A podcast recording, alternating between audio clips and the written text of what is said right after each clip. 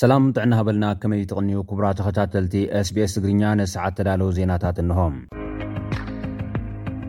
ፕረዚደንት ኤርትራ ኢሳያስ ኣፈወርቂ ኣብ ቻይና ዑደት የካይዳ ኣሎ ኢትዮጵያ ብሰንኪ ኣንበጣ 76 ቢልዮን ኣናህብ ከም ዝኸሰረት ተገሊጹ ቦርድ መረፃ ኢትዮጵያ ህወሓት ንዝርከቦም ሰለስተ ውድባት ትግራይ ከምዘይምዝግቦም ኣፍሊጡ። መንግስቲ ክልል ኦሮሚያ ሓገዛት ፍርያት ሕርሻ ንትግራይ ከምዘበርከተ ተሰሚዑ። ኤርትራ ኣብ ኲናት ሱዳን ኢድ ኣለዋ ንዝብል ክሲ ነፂጋ ዝብሉ ንሰዓት ተዳለዉ ዜናታት እዮም። ናብ ዝርዝራቶም። ፕረዚደንት ኤርትራ ኢሳያስ ኣፈወርቂ ኣብ ቻይና ዑደት የካይድ ኣሎ።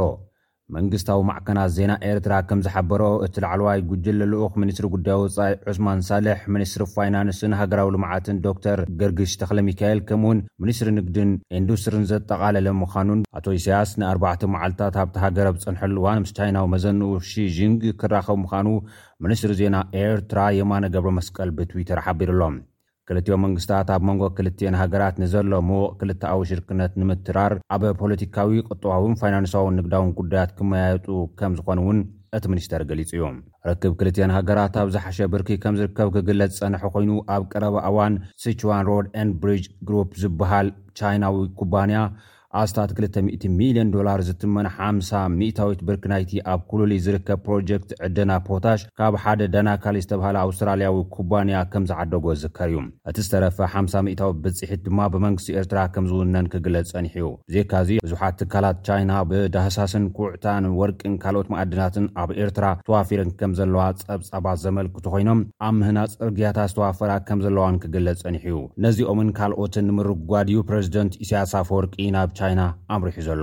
ንልዕሊ ዓሰርተ ሓሙሽተ ዓመታት ዝሒሉ ዝነበረ ርክብ ቻይናን ኤርትራን ኣብ መንጎ ኤርትራን ኢትዮጵያን ኣብ ክልተ ሽሕን ዓሰርተ ሸሞንተን ዓመተ ምህረት ዝነበረ ኩነተ ኲናት ከም ዘብቅዕ ዝገበረ ስምምዕ ዳግም ከም ዝሓደሶ እዩ ዝግለጽ። ዲፕሎማስያዊ ርክባት ክልቲኤን ሃገራት ናበረኸ ምምጽኡ ስዒቡ ኣብ ጥሪ ክልተ ሽሕን ዕስራን ክልተን ኣብ ኤርትራ በጺሑ ዝነበረ ሚኒስትሪ ጉዳይ ወጻኢ ቻይና ዋንግ ዩን፣ ፕረዚደንት ኢሳያስ ኣፈወርቂ ኣብ ዝቐልጠፈ እዋን ናብ ሃገሩ ምብጻሕ ከካይድ ካብ ፕረዚደንት ዢፒንግ ዝተልኣኸ ዕድመ ኣቕሪቡ ነይሩ እዩ። ኣብዚ እዋን እቲ ፈላሚ ወተሃደራውን ፖለቲካውን ስልጠና ኣብ ቻይና ከም ዝረኸበ ዝንገረሉ ፕረዚደንት ኢሳያስ ኣፈወርቂ ቅድሚ ዓሰርተ ሓሙሽተ ዓመታት ንመወዳእታ ግዜ ናብ ቻይና ከም ዝበጽሐ ዝንገረሉ ዘሎ ኮይኑ ሕጂ ኣብ ቻይና ንኣርባዕተ መዓልቲ ዑደት የካይድ ከም ዘሎ እዩ ዝግለጽ ዘሎ። ቦርድ መረፃ ኢትዮጵያ ህወሓት ንዝርከቦም ሰለስተ ውድባት ትግራይ ከምዘይምዝገቦም ኣፍሊጡ። ቦርድ መረፃ ኢትዮጵያ ውድባት ህዝባውያን ሓርነት ትግራይ፣ ብሄራዊ ባይቶ ዓባይ ትግራይን ሳልሳይ ዋይነ ትግራይን ዘቕረብዎ ሕቶ ሕጋዊ ኣፍልጦ ምጅማር ስሩዕ ስራሕን ዝሃቦ መልሲ ኣመልኪቱ ኣብ ዝፀሓፎ ደብዳበ እቶም ውድባት ንዝቕረብዎ ሕቶ ከምዘይቕበሎ ኣፍሊጡ ኣሎ።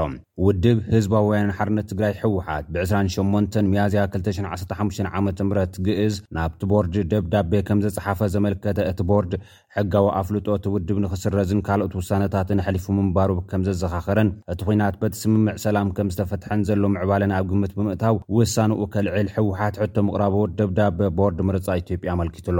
ቅድሚ ክልተ ዓመታት ቦርድ ምርጻ ኢትዮጵያ ህወሓት ኣብ ሓይሊ ዝተመስረተ ዓመጽ ከም ዝተሳተፈ ብምግላጽ ሕጋውነት ናይቲ ውድብ ክስረዝ፣ ሓለፍቲ እቲ ውድብ ብስም እቲ ውድብ ከይንቀሳቐሱ ክእገዱ ከምኡ'ውን ንብረት እቲ ውድብ ዕዳ እንተሃልይዎ ዕዳ ንምኽፋል ክውዕል ዝተረፈ ገንዘብን ንብረትን ድማ ሲቪካዊ ትምህርቲ ንዝመርጹ መምሃሪ ክውዕል ወሲኑ ነይሩ እዩ።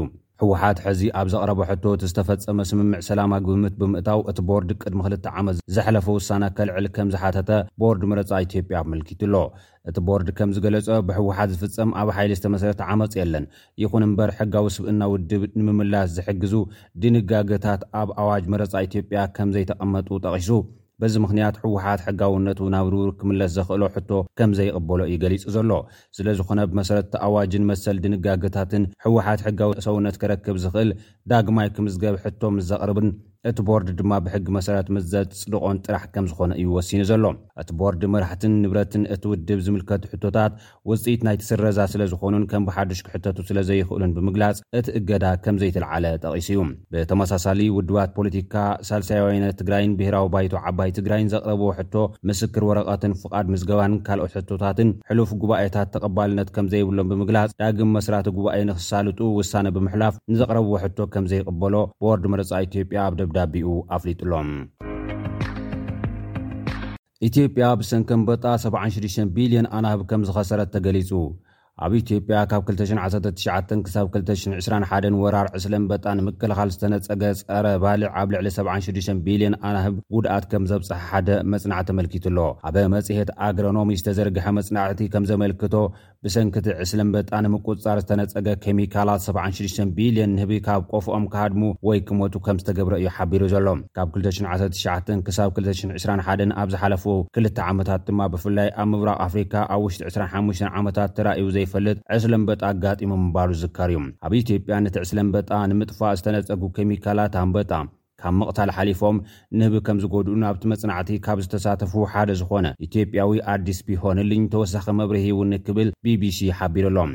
ኣብ ክልላት ኦሮምያ፣ ሶማል፣ ዓፋር፣ ምብራቓዊ ኣምሓራን ዝነበሩ ኣናህብ ብኸቢድ ከም ዝተጎድኡ ዝገልጽ እዚ መጽናዕቲ፣ ነቲ ኣብ ድሮ ኲናት ትግራይ ዝተኸሰተ ወራር ዕስለምበጣ ወጥሪ መንግስታት ትግራይን ፌደራልን ናብ ዝኸፍኣ ደረጃ ብምንባሩ ኣብ ማእከል ትግራይ ኬሚካላት ክንጸጉ መንግስቲ ፌደራል ፍቓደኛ ከም ዘይነበረ ዝዝከር ኮይኑ እቲ ዝነበረ ናይ ምክልኻል ስራሕቲ ብባህላዊ መገዲ ምንባሩ፣ ከም ውፅኢት ድማ እቲ ኣብ ልዕሊ ኣናህብ ዝወረደ ሓደጋ ኣብቶም ኬሚካላት ዝተነፀገሎም ክልላት ዝርከቡ ዶባት ትግራይ ጥራሕ ዝሸፈነ ምንባሩ እቲ መፅናዕቲ ኣመልኪቱ እዩ። ኢትዮጵያ ንገለ ዕስለ ኣንበጣ ኣብ ምጥፋእ እተጠቐመትሎም ፀረ ባልዕ መድሓኒታት ኣብ ቀፃሊ ኣብ ከባቢ ዘስዕብዎ ጉድኣት ኣብ ግምት ብምእታው ኣብ ሃገራት ኣውሮፓ ዝተኣገዱ ምዃኖም ዝገልፅ እዚ መፅናዕቲ ብሰንኪ እዚ ኣብ ኢትዮጵያ ምህርቲ መዓር ብ ሰማንያ ሚእታዊት ከምዝነክእን እዚ ድማ ናይ ሓሙሽተ ሚእቲ ሚልዮን ዶላር ክሳራ ከም ዘስዓበን እዩ ተጠቒሱ ዘሎ። መንግስቲ ኦሮሚያ ሓገዝ ፍርያት ሕርሻ ንትግራይ ኣበርኪቱ። ርእሳነ ምምሕዳር ኢትዮጵያ ኣብ ትግራይ ዑደት ኣብ ዝገበረሉ እዋን፣ ርእሰ ምምሕዳር ክልል ኦሮሚያ ኣይተ ሽመልስ ኣብዲሳ ንትግራይ ንምሕጋዝ ቃል ከም ዝኣተወ ዝዝከር እዩ። ኣብቲ ሽዑ እዋን ድማ ብሄራዊ ክልላዊ መንግስቲ ኦሮሚያ ኣብ ዳግመ ሕውየት ትግራይ ክሳብ ሓደ ቢልየን ቅርሺ ዝግመት ሓገዝ ከም ዘበርክት ኣይተ ሽመልስ ኣብዲሳ ገሊፁ ነይሩ ዩ። ብመሰረት'ዚ ምክትል ሓላፊ ልምዓት ሕርሻ እቲ ክልል ዕስራ ሺሕ ኩንታል ምሩፅ ዘርኢ ስንዳይን ክልተ ሺሕ ኩንታል ዕፉንን ናብ መቐለ ብምጉዕዓዝ ንቢሮ ልምዓት ሕርሻን ሃብቲ ተፈጥሮን ትግራይ ከምዘረከቡ ተገሊፁ'ሎ። ምክትል ሓላፊ ቢሮ ልምዓት ሕርሻን ገጠር ልምዓትን ክልል ኦሮሚያ ኣይተ በሪሶ ፈይሳ እቲ ተጀሚሩ ዘሎ ሓገዝ ሓዪሉ ከም ዝቕጽል ምሕባሩ እውን ተሰሚዑ።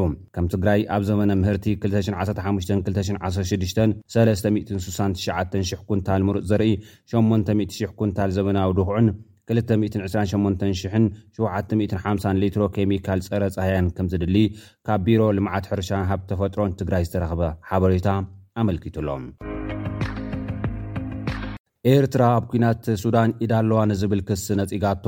ቅድሚ መዓልታት ልኡኽ ኣቦ ወንበር ሉኣላዊ ባይቶ ሱዳን ኣምባሳደር ደፍዓላ ኣልሓጅ ኣብ ኣስመራ ተረኺቡ መስ ፕረዚደንት ኢሳያስ ኣፈወርቂ ብዛዕባ ህሉው ኩነታትን ምዕባለታትን ሱዳን ከምዝተዘራረበ ማዕከናት ዜና መንግስቲ ኤርትራ ገሊጸን እየን። ኣምባሳደር ዳፍዓላ ኣልሓጅ ኣብ ዝሃቦ ሓበሬታ ኣብቲ ምስ ፕረዚደንት ኢሳያስ ዝነበሮ ዝርርብ፣ ሓላፍነት ጸጥታን ርግኣትን ሱዳን ዝስከም፣ ዘረጋግጽ፣ እንኮ ሕጋዊ ኣካል ሰራዊት ሱዳን ከም ዝኾነ፣ ኣብ ሱዳን ተኸሲቱ ዘሎ ግጭት ውሽጣዊ ብምዃኑ ብሱዳናውያን ጥራሕ ክፍታሕ ከም ዘለዎ፣ ኤርትራ ድማ ምንጪ ሰላምን ርግኣትን ሱዳን እምበር ምንጪ ስግኣት ከም ዘይትኸውን ከም ዝተመያየጡ ዝገለጸ ኮይኑ፣ ፕረዚደንት ኢሳያስ ብወገኑ ኤርትራ ምስ ሕቡራት ዓረብ ኢምሬትስ ብምትሕብባር ንሓይልታት ወሃቢ ቅልጡፍ ደገፍ ዑቕባ ክትህብ እያ ዝብልን ካልእ ብገለ ማዕከናት ዜና ዝናፈስ ወረን ውጹእ ሓሶትን ናይ ጸለመ ፕሮፖጋንዳን ከም ዝኾነ ምግላጹ ሚኒስትሪ ዜና ኤርትራ ዘውጽኦ ሓበሬታ ኣመልኪቱ እዩ።